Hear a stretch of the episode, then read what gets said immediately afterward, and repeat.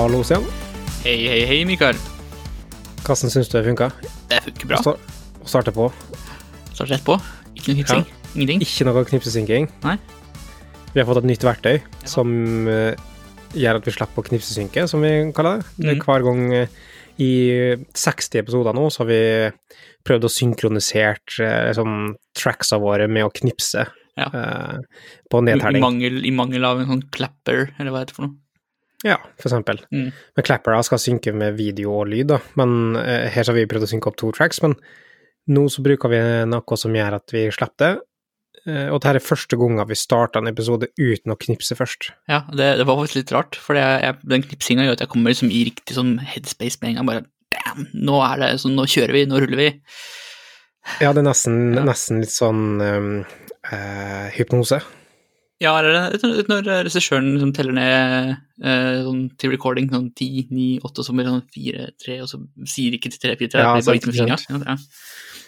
Apropos, nå ble den her litt sånn mørkt, da. Eh, går, nå går det i en mørk retning, men så fikk du med en eh, Roy for Sigfrid and Roy. Nei. Uh, Covid-19-offer. Uff da. Har ikke han uh, Har ikke han Jeg trodde han var død for lenge siden.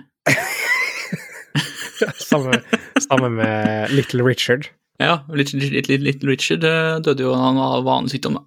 Ja, det er sant. Uh, jeg vet sånne ting som det der går ofte inn på meg og det. Altså, det, det ofte at kjendiser som vi uh, Noen ganger så har vi et forhold til dem, andre ganger så har vi egentlig ikke et så stort forhold til dem Nei, det er bare et, et navn man, man kjenner til, og så bare Ja, og så deler vi det liksom på navnet, liksom. og så, og så blir vi liksom nesten litt sånn trist. Nesten Ja. en liten minnestund. Den gangen det gikk mest inn på oss, tror jeg var fortsatt Alan Rickman. Ja, for det Uff. Det tenker jeg på regelmessig fortsatt. Ja. Og særlig når du ser Harry Potter igjen, og du vet at han bestandig er god, Ja. og på en måte har ofra seg hele livet sitt Ja, for da- ungen Jeg vet egentlig ikke det, for jeg har ikke sett siste filmen. Oh. Jeg har ikke lest siste boka, så jeg vet ja. egentlig ikke at, eh, at han er the good guy. Nei da, men jeg skal ikke spoile. Han er slem, altså. Uh, det er uansett dårlig gjort å spoile Nei, det er ikke dårlig gjort å spoile en 20 år gammel film. Det må være for å være grense, liksom. Ja. En annen ting du får grense fra, er det introen her. uh, og en annen ting, egentlig sånn i, Når vi har utviklingshverdagen vår, Mm. der vi sitter og lager kode og sånne ting, skal vi da flette sammen den koden med harde, markerte grenser? Eller skal vi la de grensene være eh, viska ut i sanden som en del av historien? Ja, det var akkurat sånn den, den, den veldig brå overgangen her, tenker du på? Ja, litt sånn som ja. Ja, Vi snakka da åpenbart om Mm. Git workflows. Åpenbart. Men eh, skal vi ta en liten dypdykk i, i den samtalen her, eller? Ja.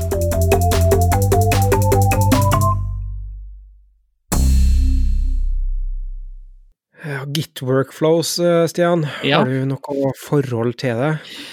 Ja, altså Hvem er det som ikke bruker Git til arbeidshverdagen sin nå om dagen, liksom? Eh, har folk gått vekk fra Mercurial? Eh, det vet jeg ikke, altså, men eh, kanskje den, den nest største konkurrent, konkurrenten til Git om dagen er kanskje mer sånn Microsoft-land. TFS? Ja. Mm. TFS er fortsatt eh, i aktivt bruk eh, for mange. Eh, Det er ikke så lenge siden jeg eh, brukte TFS, faktisk. Jeg Har aldri brukt det. Mm. det jeg Jeg vet ikke om det er en god eller en dårlig ting. Eh, for din del, en positiv ting det er at du har sluppet unna det, for det er slitsomt. Ja. Eh, I hvert fall når du er vant med på en måte Git-nivået å operere på, da. Ja, altså jeg er jo, jeg er jo, jeg er jo veldig glad i Git. Mm. Eh, Mitt, mitt aller første foredrag på en konferanse handla faktisk om Git og GitHub workflow. I Smidig 2011, nei 2012. Nei, nei, Javazone Javazone Java, sånn det. 2013. Stemmer.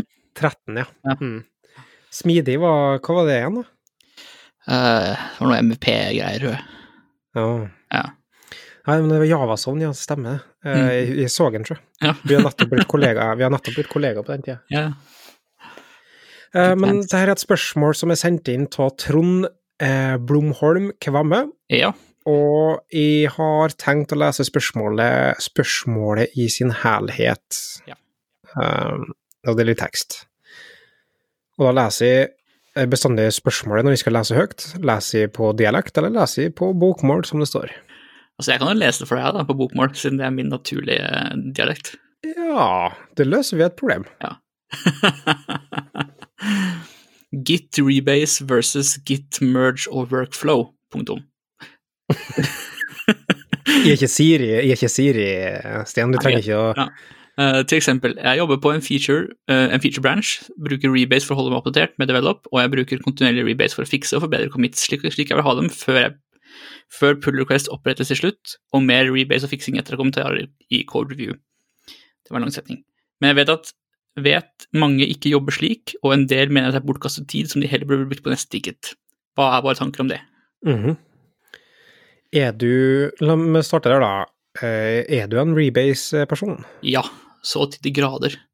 Jeg tror kanskje min, min største pet peeve i min arbeidshverdag er at rebase ikke er mer brukt. Mm.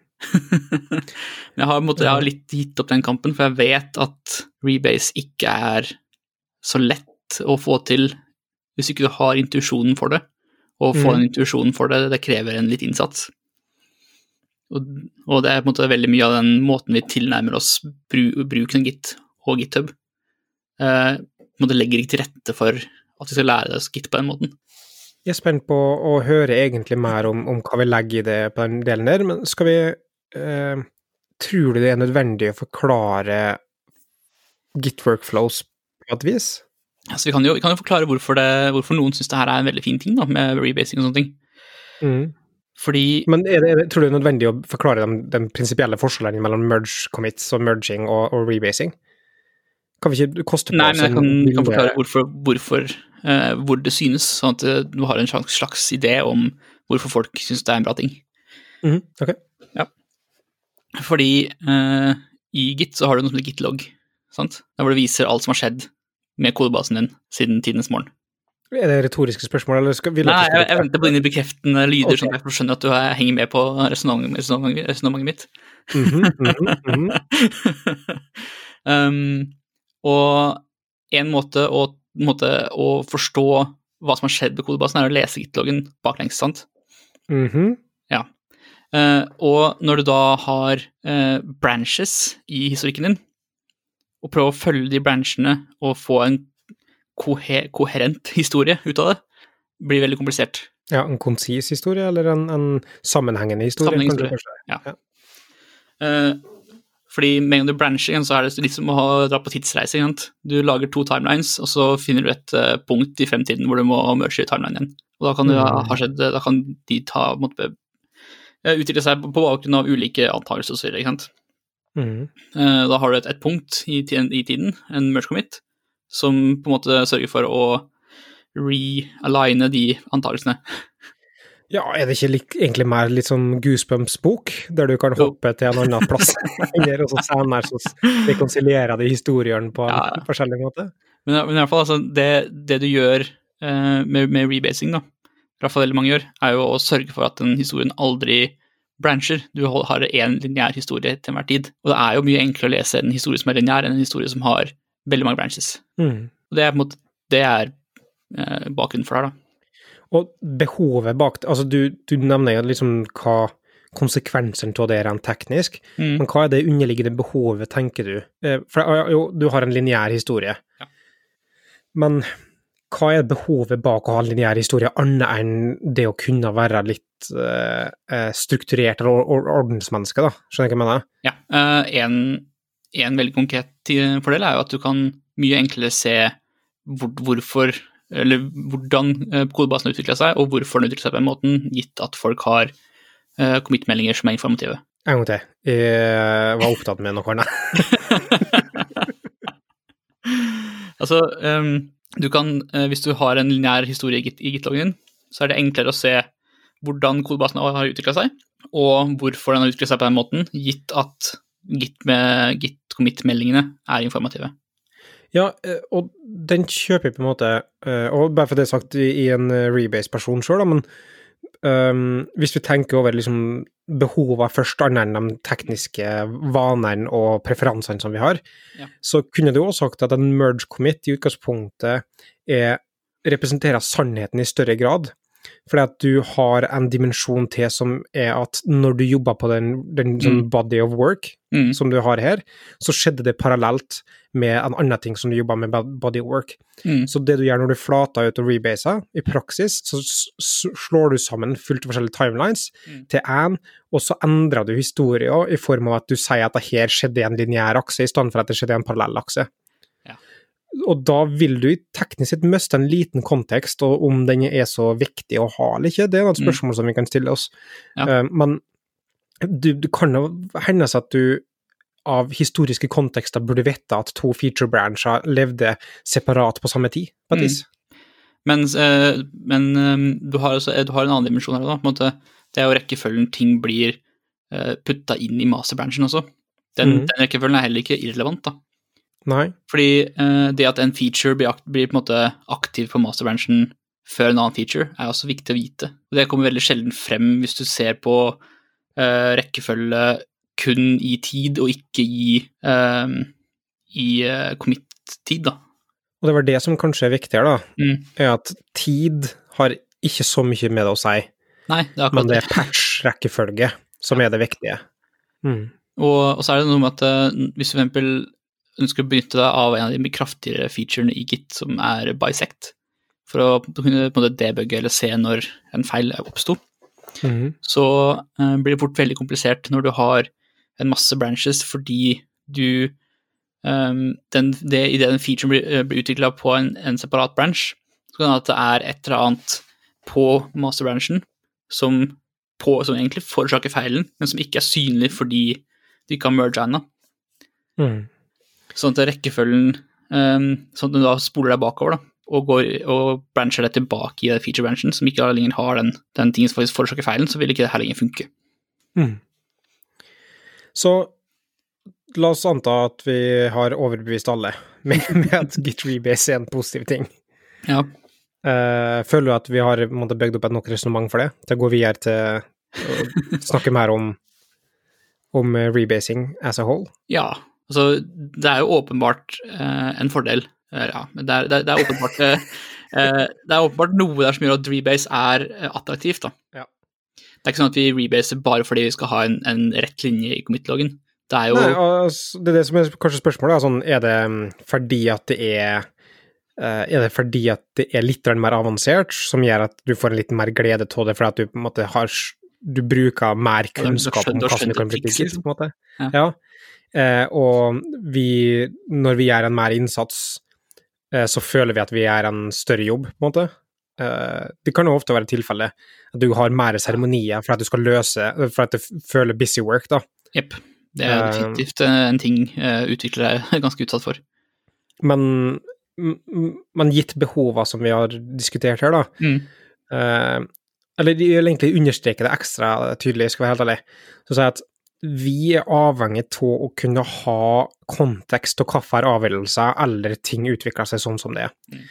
En ting som jeg har sagt flere ganger, og jeg mener er bestemt, er at det største problemet med Git i utgangspunktet Mm. er at um, de har kalt det blaming. Ja. Eh, mens det egentlig er konteksting, eller skjønne begrunnelsen, eller skjønne konteksten, skjønne eh, resonnementet bak en kode som har utvikla seg over tid. For at alle sånne, Vi må bare slutte å anta at folk som har vært her tidligere enn oss, er idioter. De har gjort konkrete vurderinger. Noen ganger så er de vurderingene feil, men de er i hvert fall tatt på det eh, tidspunkt, ut ifra den informasjonen de at hadde. Vurderinga var riktig på det tidspunktet. Det er bare at uh, forutsetningene har endra seg siden den gang. Ja, men av og til så kan vurderinga være feil òg. altså, vi, vi tar feil òg, så det er, ikke, det er ikke bare det at eh, det er kontekst, men det er ofte viktig å skjønne den biten der, da. Og Mm. der, da begynner den, den uh, tingen med rebase og sånne ting å, å gi mening, da. For da uh, plutselig så er det ikke sånn at, at det her er en merge commit som betyr at den og den er sånn som det er, som egentlig ikke hører til der, og du får ikke trace dem tilbake til der, og du, det er Mm. utenfor konteksten i sin herlighet, og, og du uh, Det er sånn detached kontekst, på et vis, da. Ja. Eh, og der er det liksom rebase uh, særlig hele greia for min del, da. Mm. Det at du skal ha konkrete, spesifikke punkter i tid som du kan spore gjennom eh, den som du kaller lineære eh, tida, for at du skal kunne skjønne konteksten eller headspacet eh, eh, til den personen som løste det problemet eh, Mm. før det, da.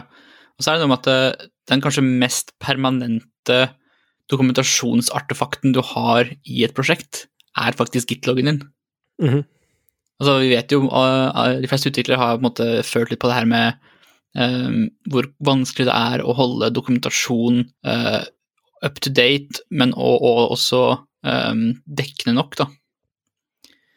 Min nye fanesak, som jeg aldri har trodd kom til å bli en fanesak til meg, Ja. er ha sporbarhet i issuer og tasker du jobber på. Mm. Det å knytte kode opp mot arbeidsoppgaver som er knytta opp mot større ting, sånn at du har en helhetslig bilde til utvikling, sånn at du skal kunne hoppe tilbake til, til konkrete eh, punkter og se ut ifra det. Mm. Eh, jeg bruker mye mer tid nå enn jeg trodde at jeg kom til å gjøre på eh, liksom, prøve å få til den delen der for Mm. meg og for andre. Ja. Jeg tror den største, liksom, den aller største um, realiseringa av det, og som er viktig med den rebasinga her, altså som, som underbygger hele tilfellet, da, Mm. var det tilfellet jeg kom på et prosjekt eh, der personen før meg hadde faktisk som blitt utsatt for trikkeffekten. Ja. Jeg vet ikke om vi har snakka om det på podkasten tidligere eller ikke, Trykkeffekt. men hæ? Trykkeffekt, liksom. Ja, eller eh, den tilfellet der jeg hadde der en person faktisk hadde omkommet. Ja. Den som hadde jobba på, jobba på det som jeg, jeg jobba på. Mm. Jeg sku, skulle vært leid inn for å gjøre. Og ingen andre i organisasjonen hadde kunnskap til det som ble jobba med. Mm. Så eneste du hadde å gå ut på, var en halvferdig oppgave og en, en gire-task. Ja. Uh, og da kommer viktigheten til å ha kobla sammen alle løse tråder. For Mm. da blir du automatisk en, en Sherlock Holmes eh, investigator. Den som, som går rundt og samler sammen spor Mm. for å skjønne konteksten til hvor ting er hen, og hvor ting var på vei hen. Ja. Og da er det viktig med, med en ordentlig eh, strukturert timeline knytta opp mot oppgaver, knytta opp mot større bilder, og knytta opp mot historiske eh, hendelser. Fordi eh, du kan jo i stor grad gjøre det der uten å rebase ting. Ja, det, det kan du absolutt. Mm. Uh, men um, rebasing er ikke bare det med at du um, har en lineær historie, Nei. men det er like så mye med at du um, Vi kan kalle det uh, refactora historia di før du Yes. er klar til å pushe den ut. Ja, det er liksom, Så du du, skal liksom, du, skal, du skal formidle et eller annet budskap, og så lar du være å du, du formidler budskapet Si at du skal formidle det i, i fem setninger. Istedenfor å, i for å bestemme deg for hvilken rekkefølge fem setninger skal komme i, så bare lar du det være tilfeldig.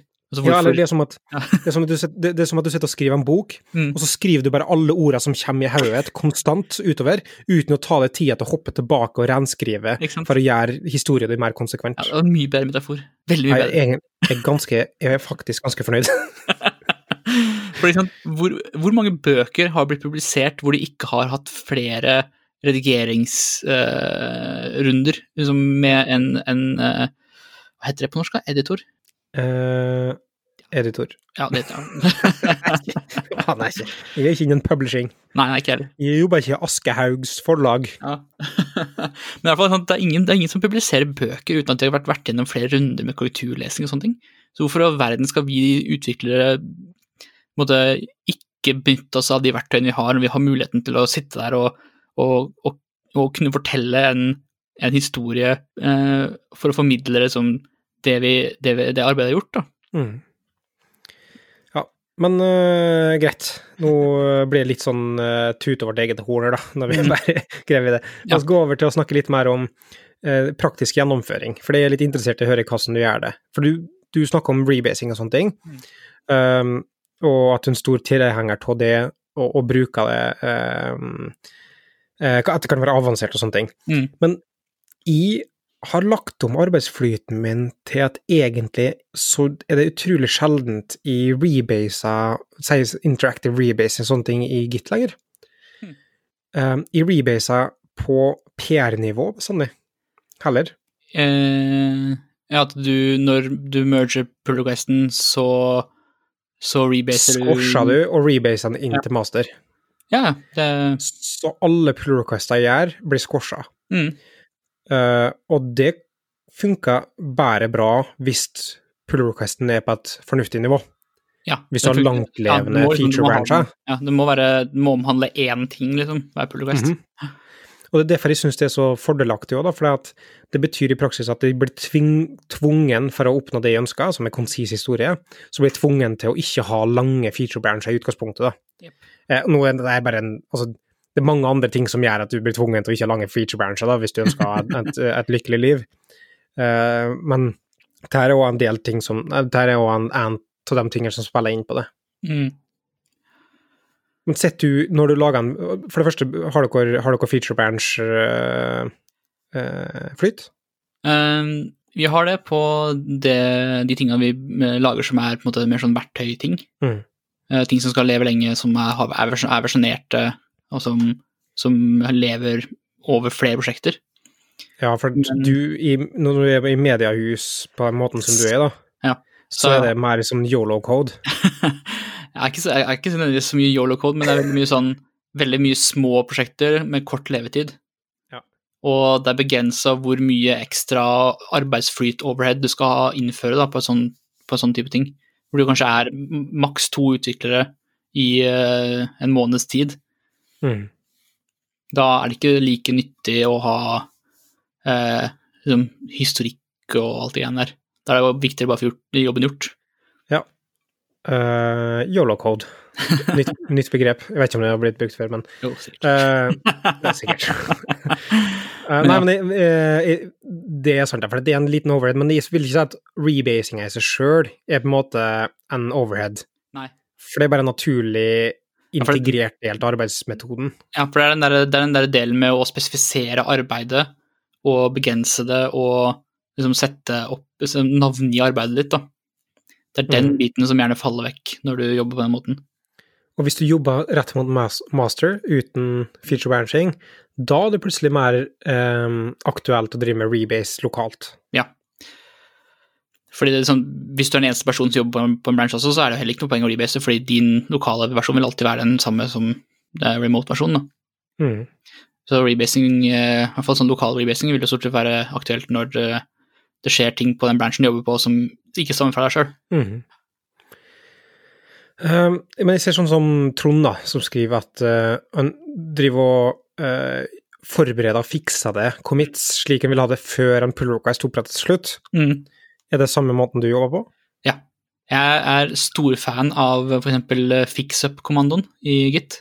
Mm. Hvis du har en liten, eh, hvis du oppdager oi, sånn, her var det en liten skrivefeil, og så committer du den, men du committer den med en sånn ekstra sånn fix-up-parameter. Sånn at det automatisk eh, genereres en git-commit som har en bestemt type format på meldinga si. Så når du da kjører en interactive rebase og slenger med autoswash, så blir den fix-up-committen automatisk squasha inn i den committen den er ment å fikse. Men er det enklere enn å bare kjøre GC eller git commit uh, dash dash amend dash dash no edit? Uh, ja, hvis den committen du fix-upper uh, ikke er forrige commit. Ja, sånn at du skal flytte den? Ja. Nei, igjen, det er sjelden relevant for meg som jobber på feature brancher, for det er bare smekka opp, og så kan jeg heller committe fix me. Ja, for hvis, hvis, ja, for hvis, du, hvis, du, hvis, hvis intensjonen er å squashe alt sammen til slutt uansett, Mm. så hvorfor ikke, liksom?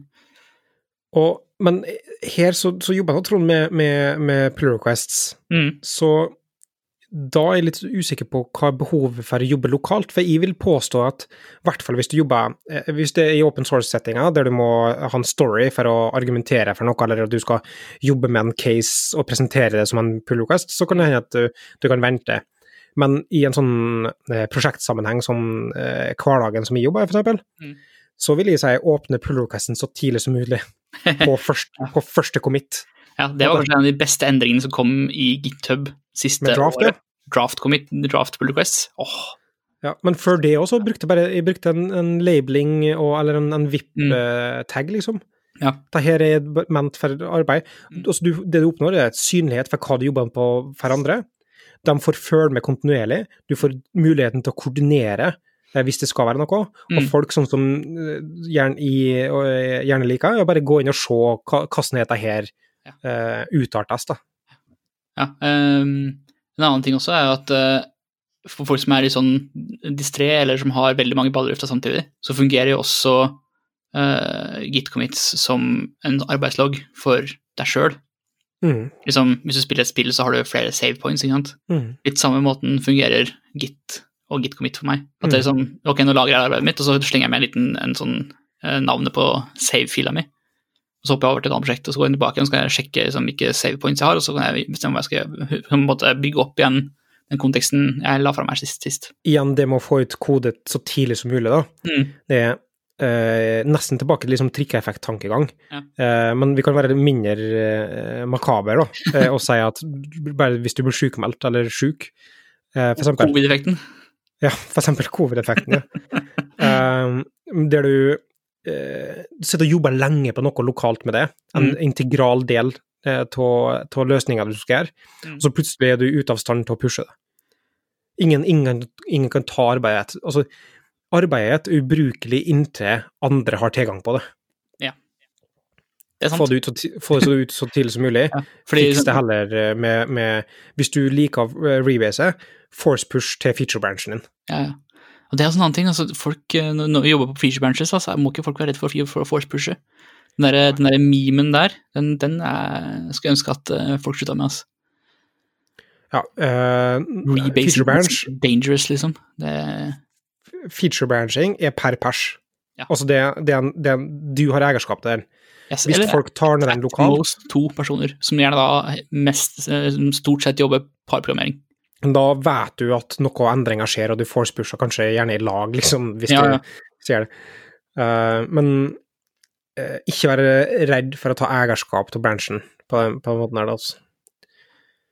Fordi sånn, Ja. hvis, hvis du Hvis det er så mange som jobber på samme peer branch at det ikke lenger er mulig å måte, koordinere uh, jobben på tvers, så har du en for stor feature branch. Hvor lenge varer feature-bransjen i det?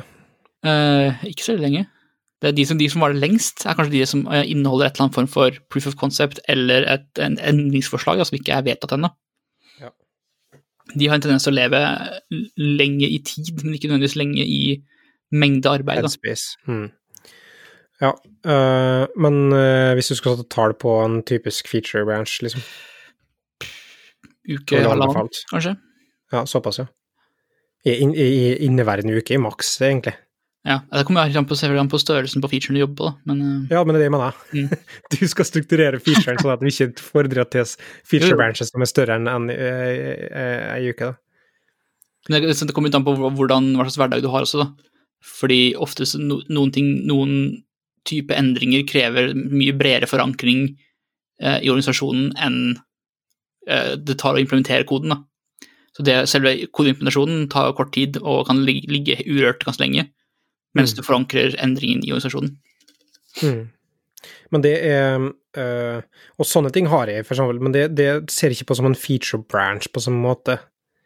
Uh, og i hvert fall ikke hvis du arbeider med noe over, på øh, så, så er det ikke det samme tankesettet bak det. da. Det at det er farlig å la den ligge lenger. For at alle sånne regler og retningslinjer er ikke nødvendigvis for å dekke 100 av alle tilfeller, Nei, men det er til å gi deg en god hjelpemiddel til tankesett. eh, altså, det, det er jo ingenting i veien for å la en feature branch ligge litt i tid, så lenge du, eh, klarer, så lenge du husker å oppdatere den med en mellom, da. Og rett og slett bare da rebase den til nyeste master. Ja, eh, for det, det kan vi jo ta, da. Eh, Ja. Du Når du for å helle det eh, oppdatert med mainstream, Mm. så går du inn og tar git rebase master. Ja. Du bruker fetch og du istedenfor pull. Det gjør jeg. Hva med eh, verktøy, da? Bruker du, bruker du eh, sånn som TIG? Gitflow brukte du en liten stund, tror jeg. Det var det du hadde, det var det du hadde presentasjon om en, en gang. Nei. Git- GitHub Flow. Altså egentlig basically bruke hvordan kan du implementere GitHub Flow uten å ha GitHub. Ja, det var Nei, eh, det du hadde presentasjon om på Smidig, var hvordan du fikk til pull request uten GitHub. Nei, det var på Jason. Ja, å, fader. Men det her begynner så lenge siden nå at det er ikke relevant for noen lenger. Men uansett, da. Um, eh, verktøy, ja. Jeg bruker TIG, men det er jo egentlig bare en, en bitte lite overvegg over Git-kommandoer, liksom. Har du tatt i bruk eh, den nye eh, GitHub CI-en? Nei, CLI-en? Oi, fins det en GitHub Seli? Ja, de er offisielle. De har lenge hatt en hub Ja. som en uoffisiell eh, Ja, GitHub nei, aldri brukt. Og så har de laga en egen en som òg heter hub. Ja. Mm. Just because. Ja. Så hvis du googler, så må vi være bevisst på at hvis den er, hvis den er fra i år, så er det GitHub sin. Hvis den er fra tidligere, så er det Det var eh, greie. meg, altså.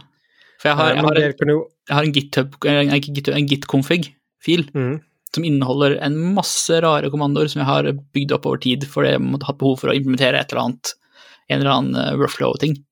mm. Så liksom, den git-configen pluss eh, TIG dekker liksom alle behovene jeg har. Mm. Eh, men den hub-greia den er fin med automatisering. For eksempel så brukte jeg nå til å lage en release, eh, et skript, som tar også uh, merger og oppretter en pull request til en alfa release branch, Oi, oi. eh, som, som kobler opp mot AppCenter for å gjøre nye deploys til apper. For og det det, bruker jeg ja, mm. det jeg kunne tenke meg at sånn hub ville vært bra til, er jo å, å koordinere det med, med GitHub Actions og sånn. Sant det. Um, men um, ja, det er mange gode, gode verktøy, da. Jeg sjøl er enkel. Ja. jeg, jeg bruker Git ganske mye, jeg bruker bare rett vanlig kommandolinje. Men i praksis bruker jeg Ja, jeg har en del aliaser, for så vidt. Men um, jeg bruker i praksis egentlig bare sånn fem-seks kommandoer. om og om og om igjen. Ja. Det hender jo at man har et sånt veldig sånn sært behov, da. Ja, men det sånn, det tilhører sjeldenheten. Ja, men da, at, da, uh, da googler jeg rett og slett bare. Altså, jeg googler, så får jeg alltid treff på Git-manualen, liksom. Men poenget er sånn, det tar ikke Det er ikke, det er ikke voldsomt komplisert. Nei, men du, du, trenger den der, du trenger den der modellen, da, hvordan Git fungerer. Med rebasing. Ja, det er bare sånn at, eh, sånn det at eh, Git er, et, uh, er en, en graf, da, eller et tre. Mm. Og at liksom, det er vel hver, egentlig- det var, bakover til en parent osv. ikke sant? Det er vel egentlig en, en uh, tr- try, ikke det? Ja, det er TRIE. ja, men det, det er teknisk Ja, det hører ikke hjemme på en teknisk podkast, det er sant det? Eh, Hva, helt avslutningsvis, eh, Stian. Ja. Eh, Den siste kommentaren til, til Trond, som deler vår frustrasjon til folk som ikke nødvendigvis tenker på det her som er viktig, da. Ja. Så sier han at mange mener at det er bortkasta tid, Mm. som de kunne heller ha brukt på neste ticket. Ja. Det jeg vil si der, er at um, de ender kanskje fort opp med å måtte jobbe på forrige ticket, og da tar du og mister den tida som du sparte Ja. med å begynne på neste ticket. Yes.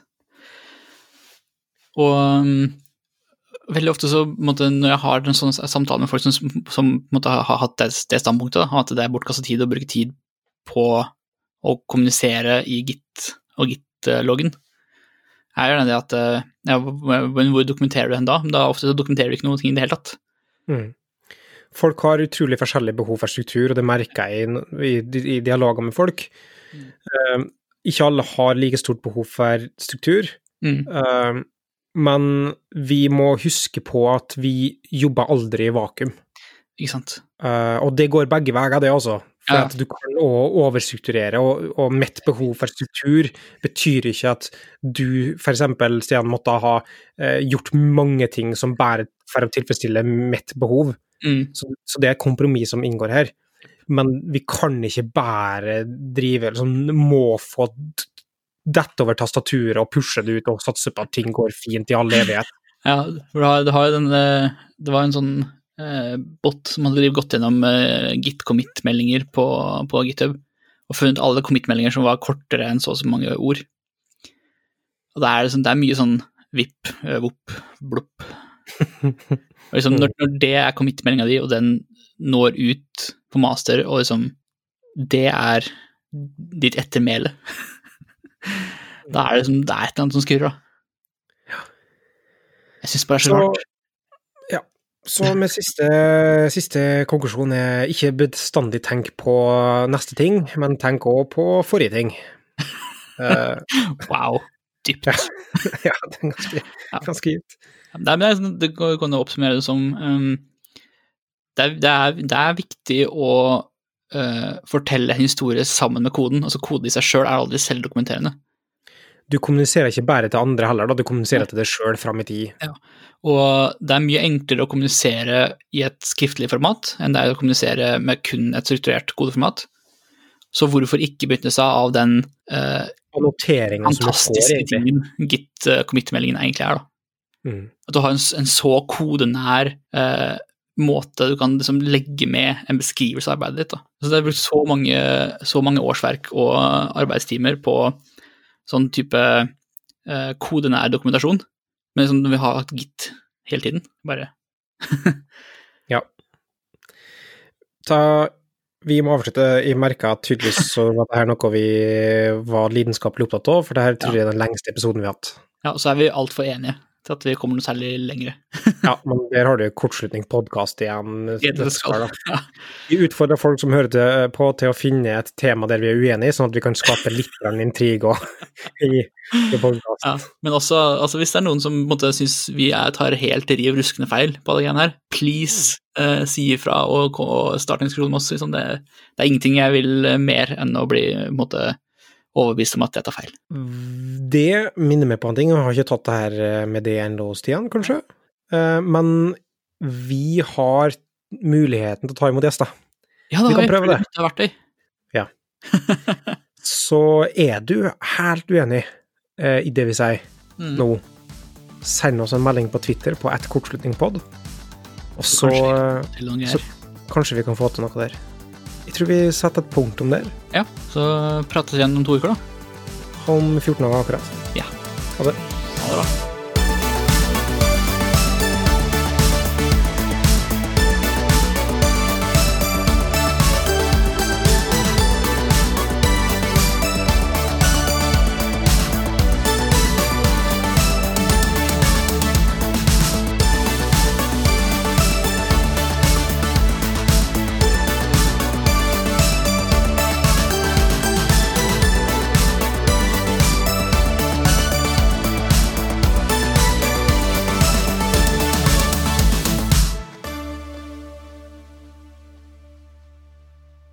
Disse koronatider. Gjøk. Kan ikke fordra det ut.